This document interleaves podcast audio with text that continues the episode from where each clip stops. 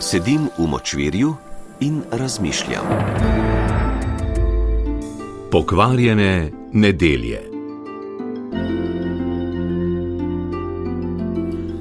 Danes pa o najpomembnejšem dnevu tedna, ki je seveda nedelja. Nedelja ima med slovenci kultni status in akoravno je poseben dan tako med verujočimi kot med delodajalci in delojemalci po vsem krščanskem svetu, je pod slovenci še posebej posebna. Kakorkoli tarnamo nad uniformiranostjo našega delovnika, je nedelja daleč najbolj uniformiran dan v tednu. Natančno se namreč ve, katerih opravil in nalog se v nedeljo ne počne in katera so dovoljena.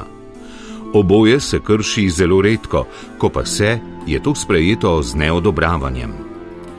Za zavarovanje svetosti nedelje smo šli že kdaj tudi na referendum, in nedelja je posebna predvsem kot eden zadnjih dejavnikov normalnosti v tem ponorelem svetu. Toliko o teoriji nedelje zdaj pa k praksi.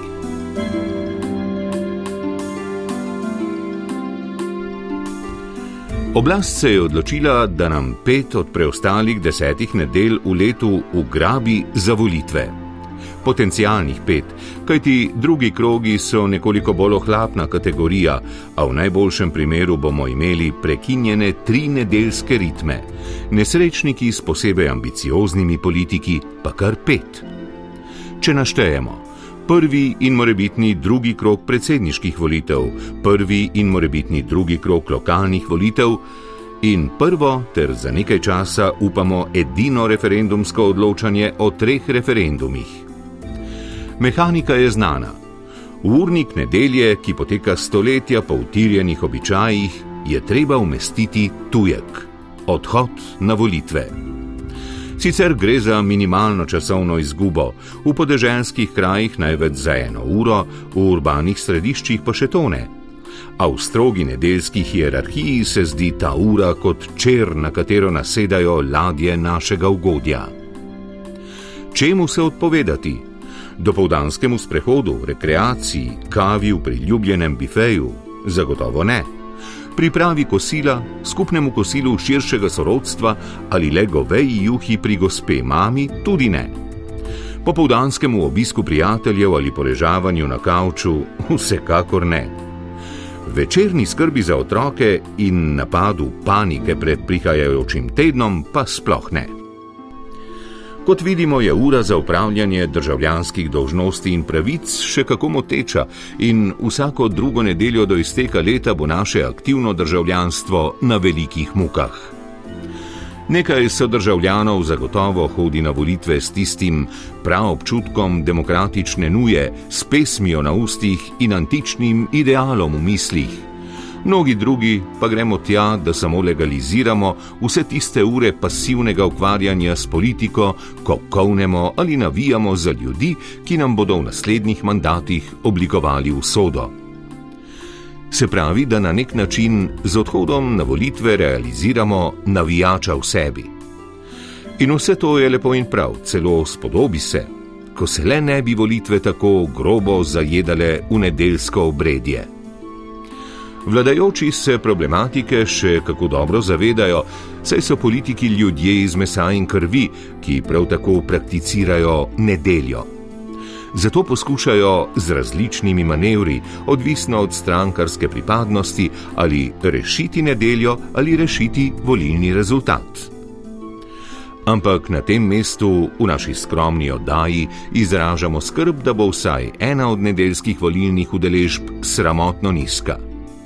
In kar je še bolj sramotno, udeležba bo odvisna od vremenske napovedi.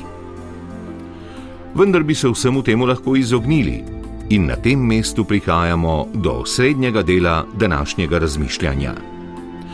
Analogni način izbiranja, ko mora človek fizično nekam oditi in na papirju fizično nekaj obkrožiti, na to pa papir fizično potisniti v kartonasto škatlo, ob tem pa se pri komisiji identificirati s fizičnim dokazilom o istovetnosti, je tako obupno zastarel, da Bog pomagaj. Hočemo povedati, da je mogoče v mnogih evropskih državah že digitalno voliti od doma, le v Sloveniji smo še peš. Oziroma, da smo natančni, tistim, ki se ne morete udeležiti glasovanja na domačem volišču, so omogočene ostale oblike glasovanja, kot je recimo glasovanje po pošti. Vlogo za uveljavitev ostalih oblik glasovanja pa je mogoče oddati tudi elektronsko z digitalnim podpisom. Majhen korak za slovensko volilno zakonodajo in bizarno majhen korak za javnost, ki je s pomočjo spleta preživela pandemijo. Ampak da ne bomo samo osirali slovenskega prehoda v digitalno družbo, ki se zdi celo počasnejši od modernizacije slovenskih železnic. Danes so dovoljene sanje, tako se nima smisla ustavljati samo pri e-glasovanju. Pogumno usmerimo digitalni pogled naprej. Zagotovo nam prihodnost prinaša glasovanje s pomočjo aplikacij na mobilnih telefonih, in ker se bo s tehnologijo prav tako razvijala tudi naša politična zavest, bo e-glasovanje predvidevalo tudi e-odpoklic. Podobno kot danes poznajo milijoni uporabnikov Fantasy League in e-športov. Se pravi, da bodo voljivci ob neumnostih ali morebitnih neumnostih politika enostavno odpoklicali. Tisti politiki, ki se bodo dalj časa ali pa celo vse čas obdržali ali v parlamentu ali v vladi, pa bodo voljivcem prinašali bonus točke.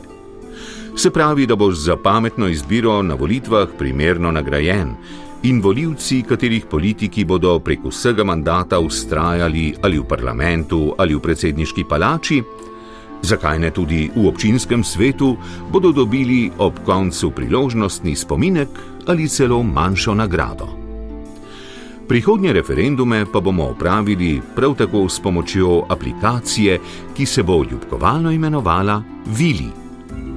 Da se bo referendumsko odločanje ločilo od volitev, bodo dovolj lajki oziroma všečki. Določiti bo treba samo najmanjše število lajkov za posamezni referendum, zavrnitveni kvorum pa ne bo potreben. In medtem, ko čakamo, da se slovenska e-uprava vsaj malo zgane, ter si še naprej kvarimo nedelje z obiskovanjem osnovnih šol, gasilskih domov in kar je podobnih javnih stavb, se to lažimo vsaj s tem, da so analogne volitve brezplačne. E-volitve zagotovo ne bodo.